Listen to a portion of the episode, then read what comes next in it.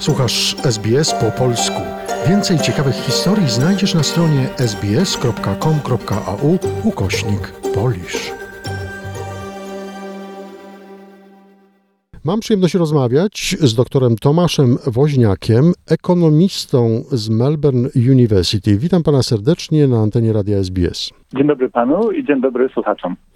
A tematem naszego spotkania będzie oczywiście budżet federalny rządu australijskiego. Josh Frydenbeck, szef Skarbu Państwa, przedstawił główne założenia. Czy podoba się panu ten budżet? To jest bardzo ciekawy budżet. Chciałbym scharakteryzować go pod następującym względem. Jest to po prostu budżet roku wyborczego i jako taki należy go traktować. Co to oznacza? Po pierwsze, jest ogłoszony ponad miesiąc wcześniej niż normalnie jest ogłoszony. Normalna data e, ogłoszenia założeń budżetowych to jest maj. To jest po prostu przyspieszony nieco tryb ze względu na wybory odbywające się w e, maju. Jest to budżet roku wyborczego z wieloma obietnicami, które najprawdopodobniej nie zostaną zrealizowane, nawet jeśli dojdzie do kontynuacji tego rządu po wyborach. Skąd to wiemy? Po prostu wiele planów i programów wydatkowych, które są zapisane w tej ustawie budżetowej czy w tych założeniach, nie jest poparte ani analizą biznesową, ani oceną konsekwencji tych wydatków. To są dwie procedury, które są standardowe dla każdego wydatku budżetowego, dla każdego nowego takiego programu wydatków z budżetu państwa. Również wiemy to, że dotychczasowej strategii rządu, którą rząd e, stosował przez wiele lat, gdzie były ogłaszane znaczne wydatki i programy pomocowe z budżetu państwa, natomiast nie, nie, dochodziło do realizacji, do wydawania tych pieniędzy. Tu dobrym przykładem jest Emergency Response Fund, czyli fundusz pomocy w czasie kataklizmu, który był szumnie zapowiadany na 6 miliardów dolarów i przez ostatnie lata pożarów, lasów oraz obecnych powodzi niewiele z tych pieniędzy w ogóle zostało wydane. Mamy małą kalkę tych wydatków w obecnym budżecie, do czego mam nadzieję wrócimy. No więc jak należy traktować ten budżet?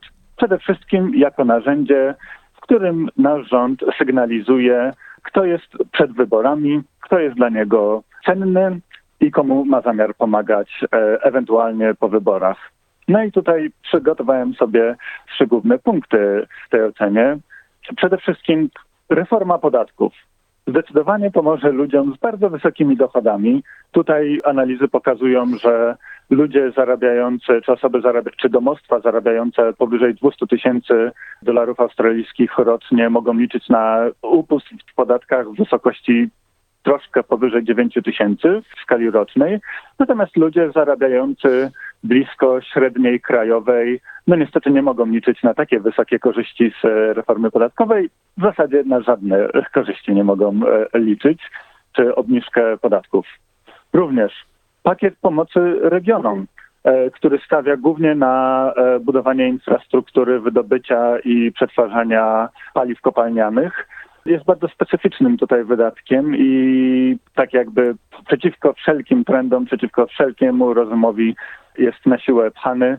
No a nie pomoże zbytnio ani ekonomii, ani gospodarce, pomoże tylko niektórym posiadaczom akcji spółek wydobywniczych. Także Rząd jest zdeterminowany pomagać najbogatszym oraz szczególnym sektorom, w zasadzie w ich przetrwaniu, gdzie są już skazane na aninhalację w pewnym sensie takie sektory jak na przykład wydobywnictwo paliw kopalnianych. To by była główna moja ocena. Czy mogę wejść w słowo, czy mogę teraz zadać pytanie, tak, czy są Pana zdaniem pozytywne aspekty tego budżetu? Tak, oczywiście. Są pewne sygnały, że ten budżet w niektórych aspektach może iść w dobrych kierunkach. Na przykład jest zapowiedziana paczka pomocy dla programów szkoleniowych tu w końcu się rząd federalny dołożył do, zaczął dokładać do programów, które rządy stanowe od wielu już lat, e, no właśnie rozbudowywania możliwości programów TAFE, e, czyli tych programów zawodowych e, się dołożył. To jest na pewno dobry aspekt. Natomiast ja czuję pewien niedosyt, bo każdy taki pozytywny aspekt, o którym chciałbym powiedzieć, jest zawsze uzupełniany w budżecie z bardzo niekorzystnymi warunkami dla tego samego jakby aspektu gospodarki czy naszego, nas, naszego kraju, Australii. Czyli, żeby wziąć pieniądze na pewne inicjatywy, trzeba zabrać z innego sektora. Wydaje mi się, że bardziej trzeba by powiedzieć o tutaj o pewnej niekonsekwencji. No właśnie, bo to, to jest na dodatek do tych zwiększonych wydatków na szkolenia zawodowe jest duża obniżka wydatków na uniwersytety. Czyli tutaj znowu rząd pomaga raczej swoim obecnym wyborcom, a nie buduje możliwości rozwoju kraju i uzyskania wysokiej jakości szkoleń dla młodzieży w Australii, co jest kluczowe dla przyszłości kraju. E, kolejnym takim wydatkiem jest e, ogromny, zapisane właśnie te 6 miliardów dolarów na pomoc powodzianom australijskim tegorocznym. Jest to na pewno bardzo korzystny i konieczny zapis w budżecie. Natomiast znowu jest tu pewna pewien brak konsekwencji, ponieważ dominantą tego budżetu jest jednak wspomaganie wydobycia paliw kopalnianych, które zwiększą tylko emisję dwutlenku węgla oraz konsekwencje zmian klimatu. No i tutaj trzeba zauważyć, że przede wszystkim z jednej strony budżet nie, nie ma żadnego planu na ogromne zwiększenie wydatków w przyszłości na zapobieganie właśnie kataklizmom naturalnym związanym ze zmianą klimatu. Takie modelowanie jest w ogóle nieobecne w obecnym budżecie.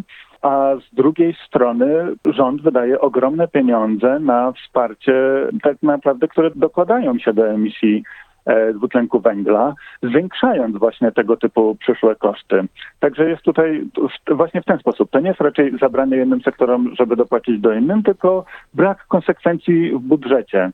Wylewamy kubeł wody, żeby gasić mały pożar, a jednocześnie rozlewamy e, benzynę, żeby się paliło dużo dłużej. Trudno by nie zadać pytania e, w kontekście wojny na Ukrainie, czy mhm. E, rząd federalny przeznacza więcej pieniędzy na obronność kraju? Tak, to jest dominanta. Tutaj w tym względzie wydaje się, że jest porozumienie pomiędzy głównymi partiami, w sensie Labour i Liberals w parlamencie. Jest tutaj parę różnych programów, między innymi właśnie zakupu łodzi podwodnych dla Australii. Jakby obronność kraju tutaj jest zabezpieczona. Bardziej zasadne są pytanie, czy to są wydatki aż tak uzasadnione. Wielu analityków e, pokazuje, że Australia ma duże wyższe wydatki na obronność niż Tajwan, który jest jakby bezpośrednio zagrożony w każdej chwili potencjalną interwencją, inwazją, jakkolwiek by tego nie zwał, ze strony rządu Ludowej Republiki Chin.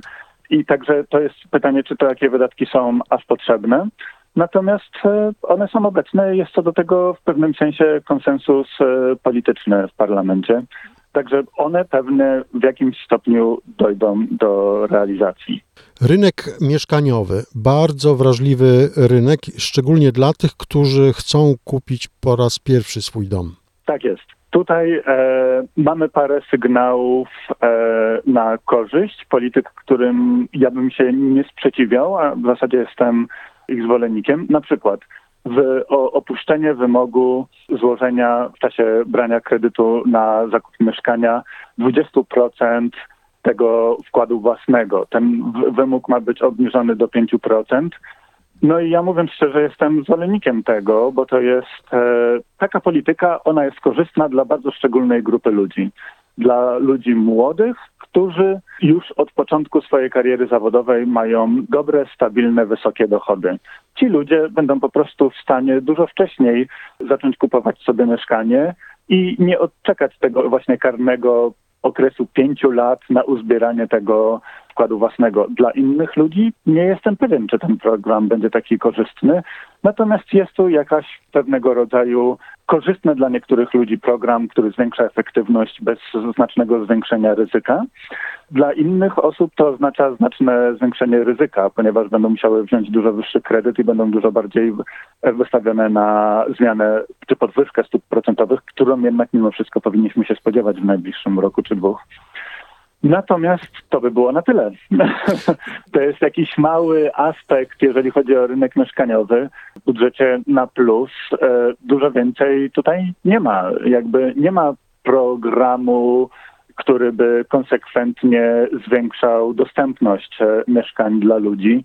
W zasadzie budżet nie zakłada w żaden sposób e, wspierania zwiększenia płac realnych, czyli właśnie po wzięciu pod uwagę inflacji w gospodarce, czy wz- wzrostu płac e, w gospodarce.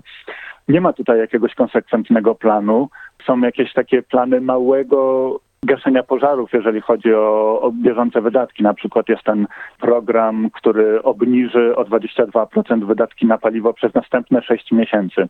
No to jest typowa kiełbasa wyborcza, ponieważ taki plan, trzeba sobie zdawać sprawę, że alternatywne polityki pozabudżetowe mogłyby mieć w tym zakresie dużo wyższą efektywność w celach obniżenia kosztów. Tutaj dobrym przykładem jest mm, artykuł Daniel Wood z Grattan Institute opublikowany w Australian Financial Review, który punktuje, że jeżeli by Josh Frydenberg w 2017 roku, kiedy był ministrem środowiska, wprowadził standardy emisji czy spalania paliw przez samochody wymagane w Australii na podobnym poziomie, jakie od lat, od dekady, od ponad dekady funkcjonują w Unii Europejskiej, to do Australii musiały być przesyłane samochody, które by miały dużo niższe spalanie niż te, które są obecnie na naszym rynku, a to by przyniosło każdemu użytkownikowi samochodu średnio 500 dolarów obniżki wydatków na paliwo. I to każdego roku użytkowania samochodu, a nie tylko przez pół roku tej takiej bardzo szczególnej polityki ulżenia w wydatkach. Także no, program być może dobry, ale tak naprawdę bez żadnego większego, że tak powiem, pomyślunku i bez większych konsekwencji dla nas jako właśnie użytkowników samochodów na dłuższą metę. Polub nas na Facebooku, udostępnij innym, skomentuj, bądź z nami na polskim Facebooku SBS.